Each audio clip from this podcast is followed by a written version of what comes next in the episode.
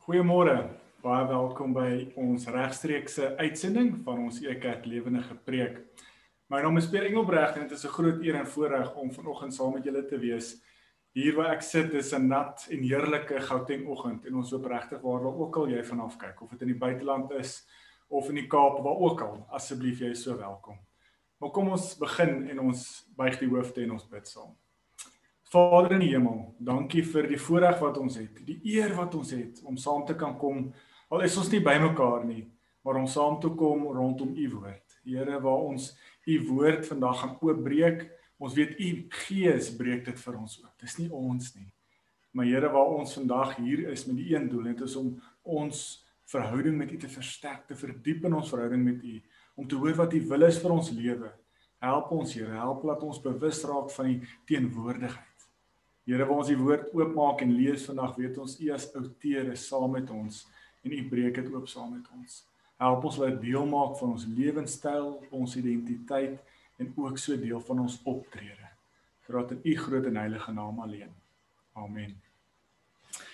Ons wil vanoggend bietjie saamgesels oor Jesus moes ek moet. Nou ek weet nie van julle nie, maar ek dink party van ons mag dalk so 'n bietjie terug staan en sê, maar ek moet niks ons hou nie daarvan as mense vir ons sê wat ek moet of nie moet doen nie of mag en nie mag doen nie. En ek dink die beste beskrywing of wat ek raak gesien die afgelope tyd was in Amerika.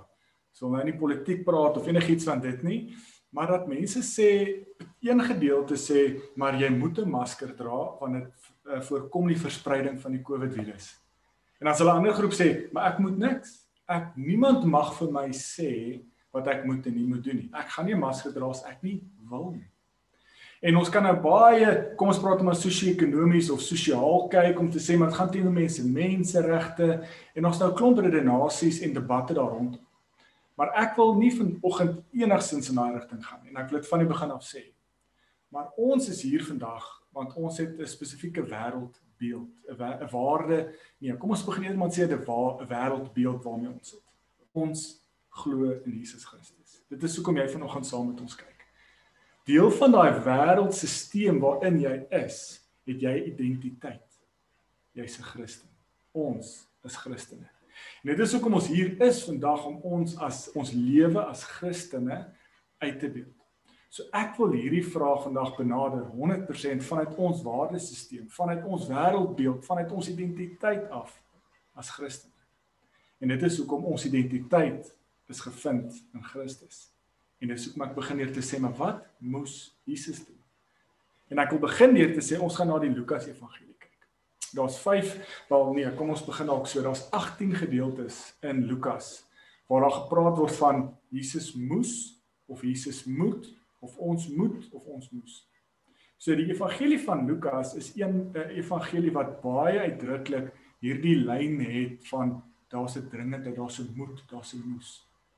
En ek wil begin want ons as ons as Christene begin by Christus, by Jesus. So ek wil net 'n paar gedeeltes, vyf gedeeltes spesifiek kyk in die Lukas Evangelie en vra wat is dit wat Jesus moes doen? En dan gaan ons op die ou ende terugkom en sê, maar daar's eh, vier opdragte en ek is nou bang vir die woord opdrag, maar daar's vier gedeeltes wat vir ons sê wat ons moet doen. Of Jesus wat vir ons sê wat ons moet doen. So as jy jou Bybel naby het, um, asseblief maak hom oop. Ons gaan 'n paar gedeeltes vandag lees vanuit Lukas. En indien jy net nie asseblief jy kan saam luister, ek lees ons graag saam. En ons wil begin by Lukas 2. Sommige reg aan die begin van die evangelie. Lukas 2, die gedeelte wat ons wil kyk is vers 49 spesifiek. Maar dis deel van die groter gedeelte vanaf vers 41 waar ons lees van Jesus as 'n 12-jarige kind waar hy saam met sy familie, Abraham, Maria en Josef, soos hulle gewoonte was, jaarliks pa, uh, vir Paasfees Jerusalem toe gereis het. En nadat hulle die Paasfees gevier het en hulle as ek wil sê as gemeenskap, nê, nee, want hulle reis van Nasaret af natuurlik, sy tuisdorp. So die mense wat saam met hulle reis vanaf Nasaret, reis saam as 'n gemeenskap. En hulle reis terug en Maria en Josef kom agter maar Jesus as kind. Jesus is nie by hulle nie. En hulle soek oral vir hom en 3 dae later kry hulle hom al die pad weer in Jerusalem waar hy nooit saam met hulle begin terugreis het huis toe nie. En ons lees vanaf vers 48 juis waar die ouers terugkom en hulle kry Jesus waar hy praat met die skrifgeleerdes, die die wyses by die tempel. En Jesus of hulle ouers toe hulle hom sien, was hulle verslae, vers 48 in Lukas 2 lees ek. En sy moeder sê vir hom: "Kind, waarom het jy so met ons gemaak? Kyk, jou vader en ek het met angs na jou gesoek." Maar Jesus het geantwoord: "Waarom het u na my gesoek? Het u nie geweet dat ek besig moet wees met die dinge van my Vader. So die heel eerste gedeelte wat ons hoor waar Jesus hierdie ek wil sê wat hy moet doen, kry ons as 12-jarige kind alreeds. Nou hierdie een vers het ons ons kan eintlik van al hierdie verse vandag kan ons 'n hele preek op sy eie oprig. Want wat sê hierdie vers vir ons? 1 Ons lees iets, hoor iets, besef iets van Jesus se identiteit. Hy is die seun van God want hy is besig met sy Vader se dinge. So goed, dan moet ons die huis van sy Vader wees. Tweedens, as 12 jarige kind besef al hierdie roeping wat op hom is. Hy tree op vanuit dit om te sê ek moet besig wees met die dinge van my Vader. Kan ons as mens, as Christen, as volwassenes met daai dringendheid, met daai doelgerigtheid optree en sê maar ek moet dit doen. As Christen moet ek dit doen. En as ons verder lees, dan lees ons in Lukas 4 'n uh, 'n tweede gedeelte waar Jesus iets moes doen. Nou Lukas 4 is is die begin van Jesus se aardse bediening. En ek gaan nie die hele Lukas 4 lees nie, ons gaan spesifiek kyk na vers 43. Maar in Lukas 4 vanaf vers 16 lees ons waar Jesus in sy tuisdorp Nasaret soos sy gewoonte was sinagoge toe gaan en hy lees dis en hy lees vanuit die boekrol Jesaja, Jesaja 61 en hy kondig sy aardse bediening aan. En net daarna sê hy die genadejaar van die Here het het waar geword, het aangebreek. En die mense na sy draak kwaad want Jesus gebruik 'n voorbeeld of 'n verhaal vanuit Elia en Elisa se wêreld uit om te sê God se genadejaar is nie eksklusief slegs vir Israel. Dit is nou vir die nie gelowiges ook nie, vir die heidene ook. En die naaste red mense raak so kwaad hulle wil van 'n kraans afgooi maar Jesus loop tussen hulle op pad na Kapernaum toe. Nou dit is nogals 'n begin, 'n warme 'n warm begin vir Jesus se bediening, sy eerste preek wil hom doodmaak. Maar dan kom in Kapernaum aan. Dan hoor ons twee keer waar Jesus opponente. Nou wat ek dit probeer sê is ons lees in vers 33 dat hy 'n bose gees uitdryf in Lukas 4. En dan antwoord die bose gees in vers 34: "Ha, wat het ons met u te doen, Jesus van Nasaret?" het u gekom om ons te verdelg. Ek weet wie u is. U is die heilige van God. So dis die eerste keer dat ons 'n opponent hoor wat sê en weet wie is Jesus, sy identiteit. Hy is die heilige van God. Net daarna lees ons in vers 41 dieselfde, ook bose geeste het baie uh uitgegaan terwyl hulle skree, u is die seun van God. So nadat Jesus ons Lukas 4 sê hy moet besig wees met die dinge van sy Vader, hy is die seun van God. Lees ons nou die opponente om karakteriseer of sy identiteit vir ons gee om te sê hy is die heilige van God. Hy is die seun van God. En nou ons vers vanaf vers 42 in Lukas 4 lees ons.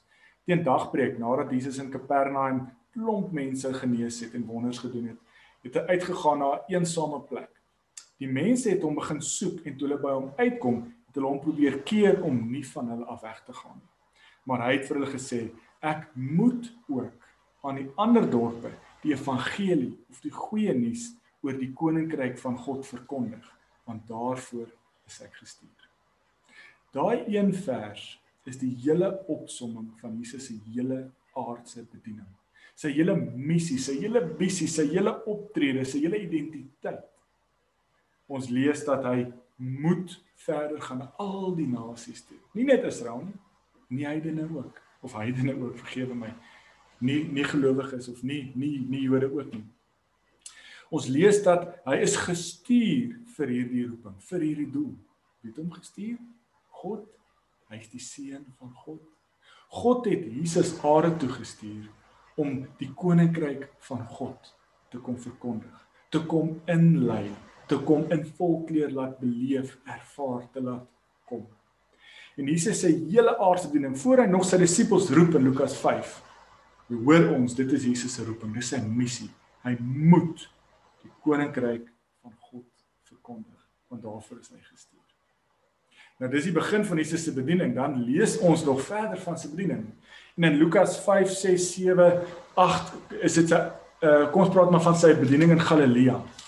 En dan in Lukas 9 is ons volgende gedeelte. Dan in Lukas 9 lees ons Jesus neem sy reis verder. Dis ons praat maar van die groot reisverhaal van Jesus. Vanaf Lukas 9 tot Lukas 19 reis hy na Jerusalem toe. Maar in Lukas 9 vers 22 begin ons bietjie meer, ek wil sê Jesus se moes, dit wat Jesus moet doen word bietjie meer vir ons uitgebeeld. En ons lees in Lukas 9 vanaf vers 18 waar Petrus belyne wie Jesus is. Ons het gesien Jesus sê in Lukas 4, ek is die seun van God of ek moet besig wees met dinge van my Vader.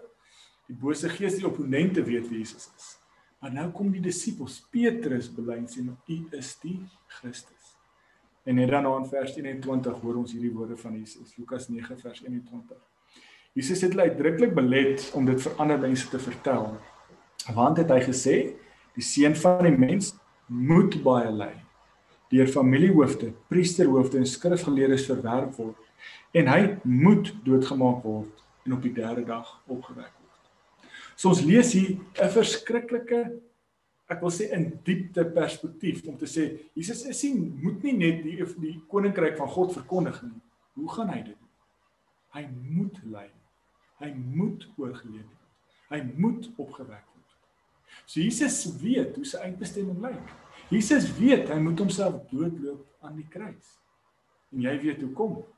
Maar as jy die evangelie lees, dan kom ons agter Jesus se hele optrede kom vanuit hierdie dringendheid, vanuit hierdie roeping wat God op sy hart geplaas het.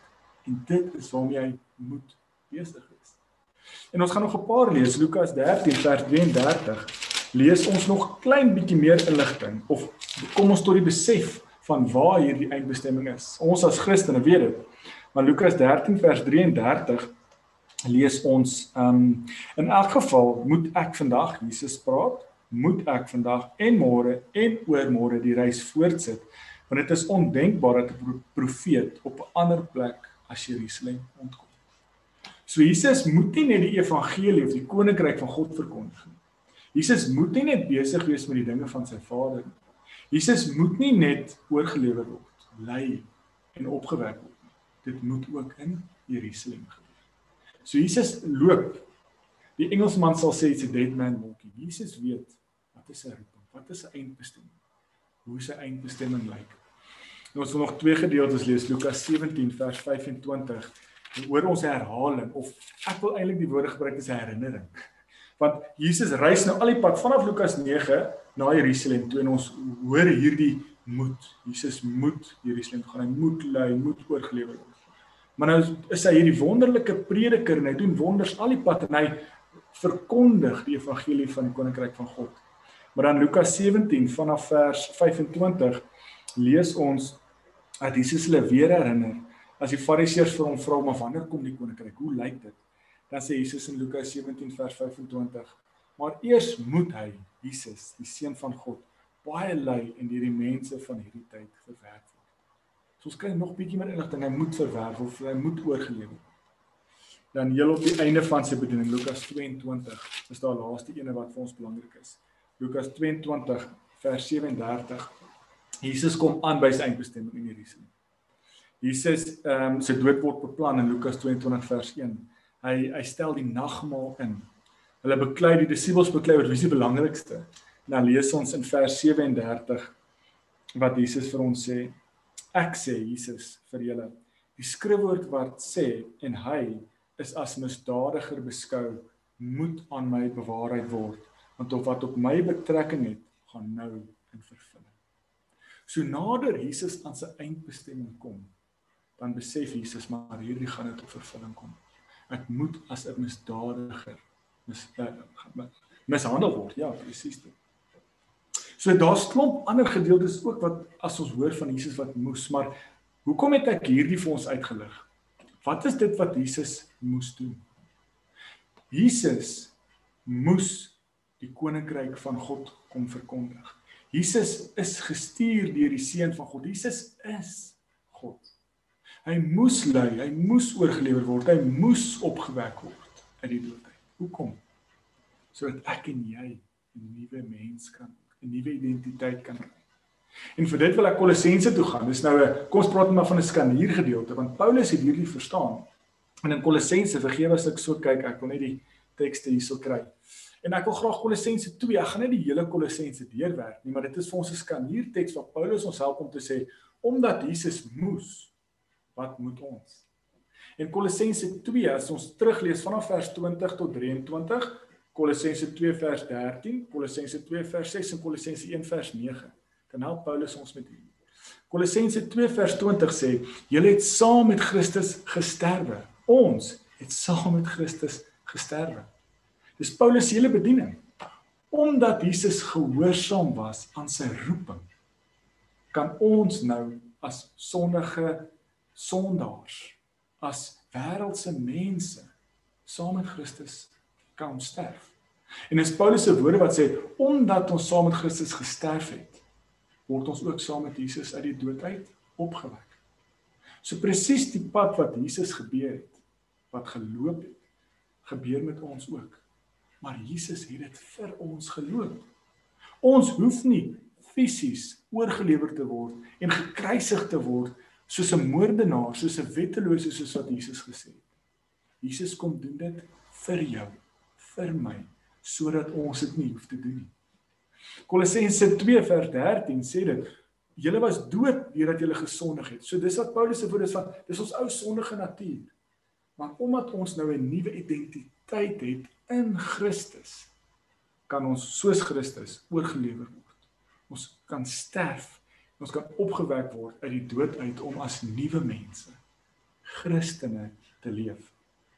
Nou as die belangrike belangrike gedeelte van Kolossense 1 vanaf vers 9 tot 10 Ons vra dat God dat hy deur al die wysheid en insig wat die Gees gee, julle sy wil duidelik sal laat ken, sodat julle tot eer van die Here sal lewe deur net te doen wat hy verlang.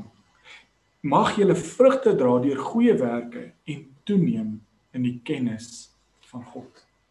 Nou hoekom begin ek met hierdie gedeelte of of hoekom is Kolossense 1 vers 9 en 10 vir ons hierdie skan hier? Ek het begin deur te sê ons mag vanuit die wêreld hier intree en sê maar niemand mag vir my sê wat ek moet doen. Niemand moet. Ek moet niks. ek besluit. Ek is die individu in my eie wêreld en my menseregte sê ek mag nie dit of dit of dit of niemand mag vir my sê wat ek doen. Maar ek is 'n Christen omdat ek 'n nuwe mens is in Christus.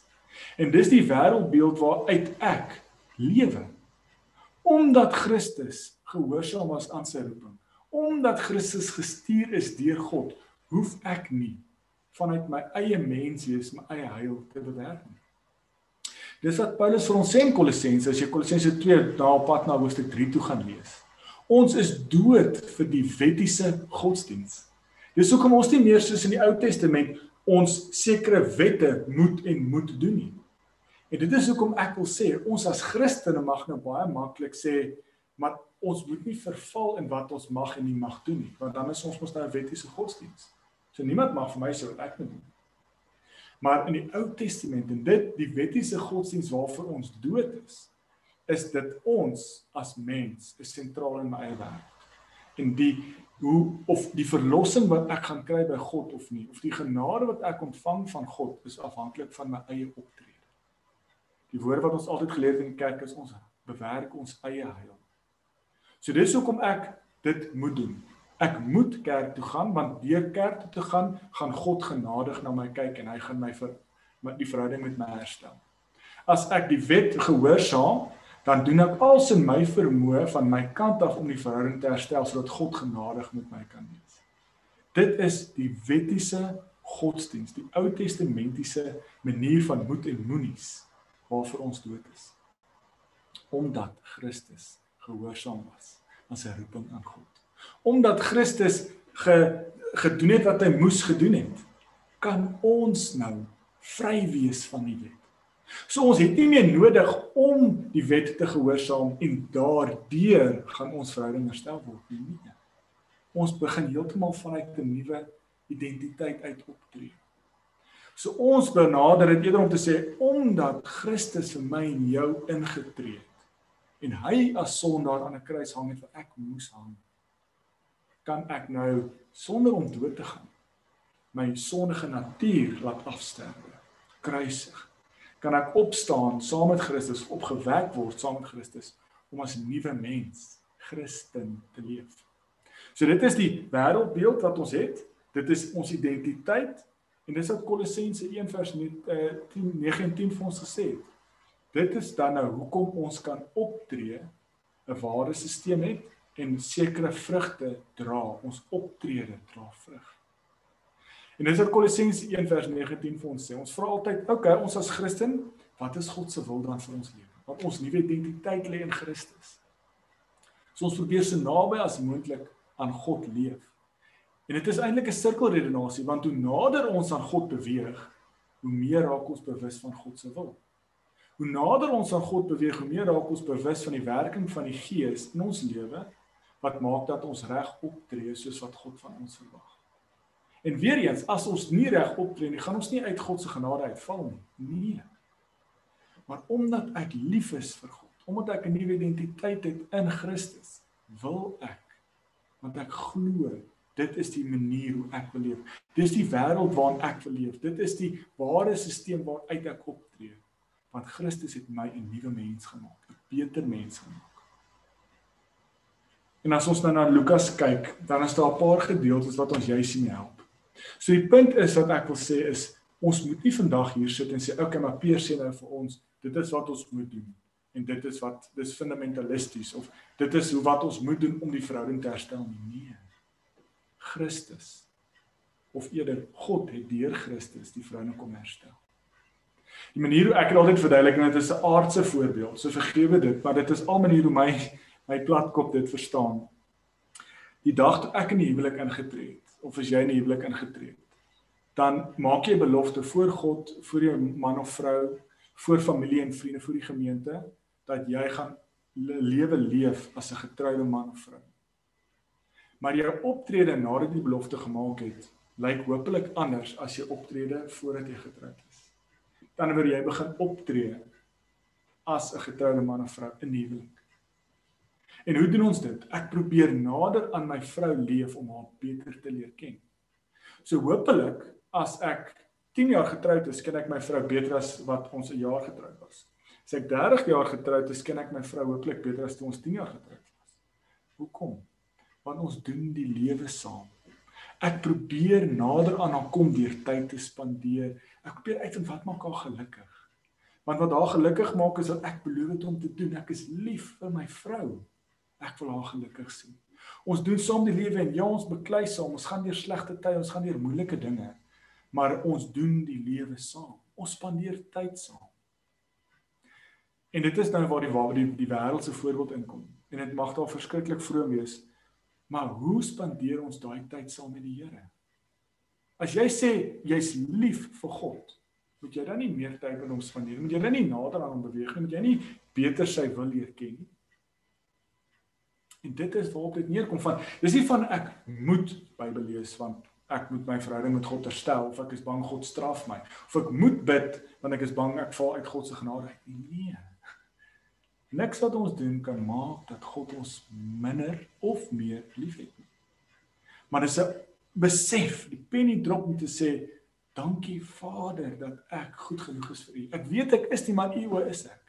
Hoe kan ek optree in daai liefdesverhouding? Nader groei aan U om 'n beter lewe te hê, want ek weet U weet wat beter is vir my. En as ons nou na Lukas kyk, dan sien ons vier moeds, vier rigtingwysers wat ons as Christene hoor wat Jesus vir ons sê. En ek wil begin deur te sê, kom ons kyk na Lukas 11. Ehm um, Lukas 11 vers 42. Lees ons die volgende. Ehm um, maar die ellende wag vir julle fariseërs. So Jesus praat hier en hy praat natuurlik met die fariseërs. Want julle gee tiendes van kruisement en wynruit en elke soort kruie maar verontagsaam die geregtigheid en die liefde vir God. Juis hierdie dinge moet 'n mens doen en die ander nie nalat. So is eintlik baie gepas dat Jesus hier praat met die Fariseërs. Met ander woorde, die Fariseërs, dis 'n wettiese godsdiens. Hulle moet die wet gehoorsaam om die verhouding van hulle kant af te herstel. Maar ons as Christene werk anders om te sê, maar God het klaar die verhouding kom herstel. Ek kan vanuit daai genade, vanuit daai dankbaarheid, vanuit daai liefde nader aan God beweeg. En wat is die een ding wat ons moet doen? Ons moet God lief hê. Dit mag dalk eenvoudig klink en en basies, maar in my eie lewe kom ek agter ek mis dit of ek vergeet dit of ek neem aan dit is so so vir 'n um, was nie woord so eenvoudig dat ek dit nie doen nie. Maar Jesus sê ook jy ons moet geregtigheid lief. En dis juist wat Jesus kom doen het. Jesus het gekom vir die siekes. Jesus het gekom vir die armes. En God is 'n God vir die armes. God is 'n God vir die mense wat nie kan praat nie. En Jesus sê vir ons, ons moet opstaan vir die wat nie kan opstaan nie. Ons moet praat vir wat die wat nie kan praat nie. Ons moet kos gee wat die wat nie kos het nie. Want God is 'n. God is 'n God van geregtigheid. Ons moet daai God lief hê. Ons God, God wat ons liefhet, lief hê. So dis die eerste moet. Ons moet God lief hê. Ons moet geregtigheid lief hê. Tweedens, lees ons in Lukas 18 vanaf vers 1. En ek gaan nou een en weer bietjie uh, gaan in Lukas, maar Lukas 18 vers 1 lees ons die volgende. Jesus het vir hulle gelykenis vertel om duidelik te maak dat 'n mens altyd moet aanhou bid sonder om moedeloos te word. Daai is ek dink 'n vers wat jy moet leer vir 2020. 2020, ek sukkel nou nog om woorde te kry vir die jaar wat was. En hy's nog nie so by nie. Maar ons kan so maklik bid, maar dan raak ons so vinnig moedeloos. En in my kop sal ek sê, die rede hoekom ek moedeloos raak as ek bid, is want ek verwag God moet opdaag wanneer ek bid. Ek verwag God met my wenslysie wat ek vir hom gee, gee. So my verwagting van gebed is nie reg nie, is nie Bybels nie. Dis hoekom ons moedeloos raak. Ons bid vir God se inkeer, maar ons verwag God moet inkeer soos wat ons verwag. Hy moet opdaag soos wat ek verwag. Ons gee ons gebedslysies vir God en ons wenslysies vir God en verwag God moet dit vir ons gee. En dan daag God nie op nie, dan gee God nie wat ons wil hê nie. Wat gebeur? Raak ons moedeloos. Maar wat beteken ons moet God lief hê? Lukas 11 vers 42 en Lukas 18 vers 1.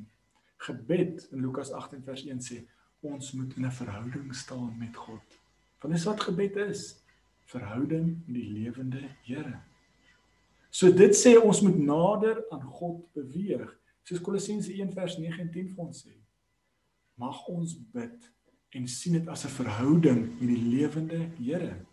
En hoor my asseblief mooi, natuurlik mag en moet ons ons hartsbegeertes met die Here bespreek. Maar primêr, eerstens is gebed verhouding met die lewende Here. Dalk sit weer tyd dat ons net weer tyd met die Here spandeer in gebed. Dis wat God van ons vra, ons moet doen. Derde een, Lukas 12 eh, vers 2. 12 vers 12 vergewe my. Lukas 12 vers 12 lees ons 'n derde moed wat Jesus vir ons sê. En ons sien hier dat uh, lees ek vir ons, ons gaan maar lees vanaf vers 11 in Lukas 12. Wanneer hulle voor sinagoges en owerhede en gesagvoerders gebring word, moet julle julle nie bekommer oor hoe of wanneer julle julle gaan verdedig of wat julle gaan sê nie. Want die Heilige Gees sal julle op daardie oomblik leer wat gesê moet Dis mooi, né? Ons as mense probeer baie keer God of ek kan net vir my eie lewe praat. God uit die pad uitstamp en sê, Here, let me take the wheel. Laat ek beheer hierdie so. Laat ek uitfigure wat ek moet doen om hierdie probleem op te los.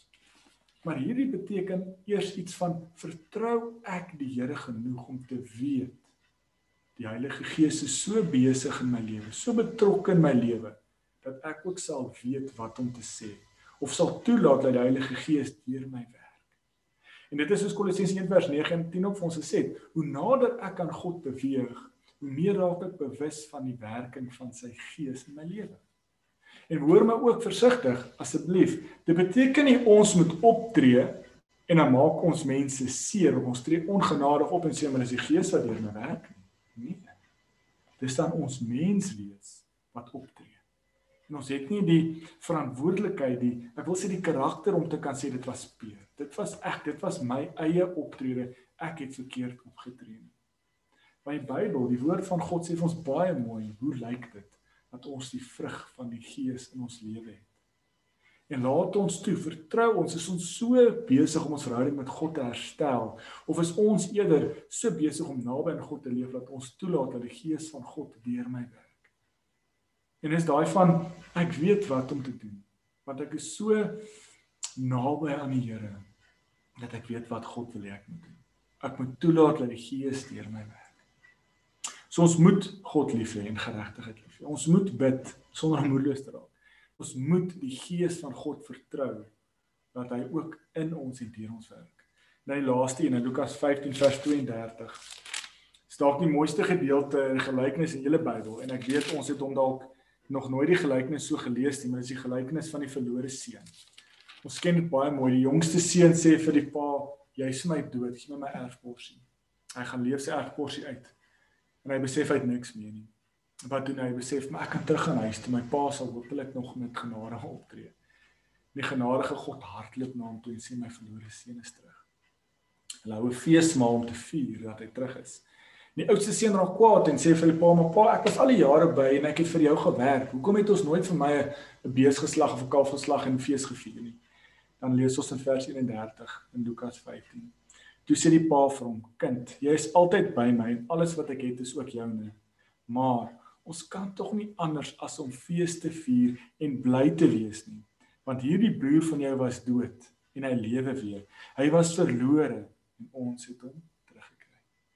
En die gedeelte ons kan eintlik vertaal om te sê ons moet fees vier. Ons moet bly wees want 'n verlore seun het teruggekom huis toe.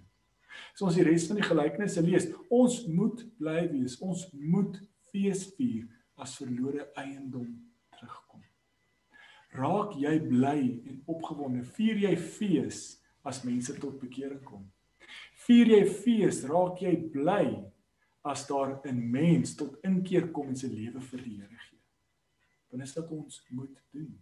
Ons moet soos Jesus die koninkryk van God verkondig. Maar nie net dit nie, ons moet ook fees vier as daar mense deel raak van God se koninkryk. Mag ons vandag hier uitstap en besef Dis nie goed wat ons moet doen om van ons kant af die verhouding te herstel nie nee. Omdat Jesus gehoorsaam was aan sy roeping. Omdat Jesus gestuur is deur die seun deur God. Is Jesus gehoorsaam aan sy roeping, het hy vir ons 'n nuwe identiteit gegee. Mag ons vandag het ons die voorreg om op te tree as Christene. En wat is dit wat God van ons vra? Nie van wat ek moet doen en ek is bang ek word op die vingers getik nie. Nee om te besef ek het 'n nuwe identiteit in Christus maak my optree en ek moet God lief hê en geregtigheid lief hê. Ek moet bid sonder om moedeloos te raak. Ek moet ehm um, so naby aan die Here leef dat ek vertrou dat die Heilige Gees ook in my werk en deur my werk.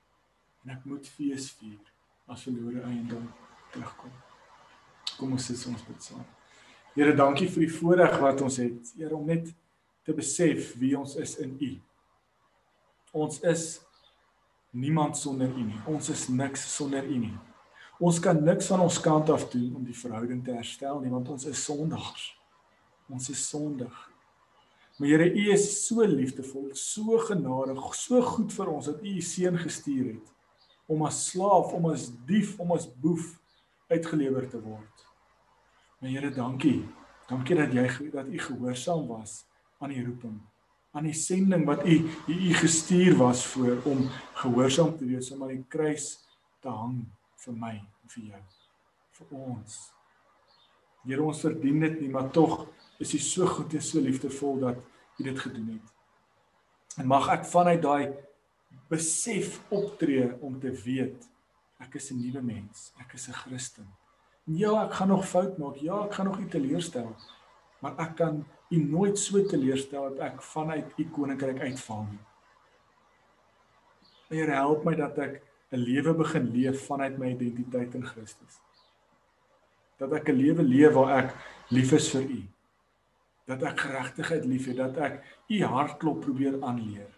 Ek so naby aan u probeer leef, Heer, dat ek bewus raak van die werking in my gees, van u gees in my lewe dat u gees my gees kom begelei en kom lei dat ek kan optree u hartklop het.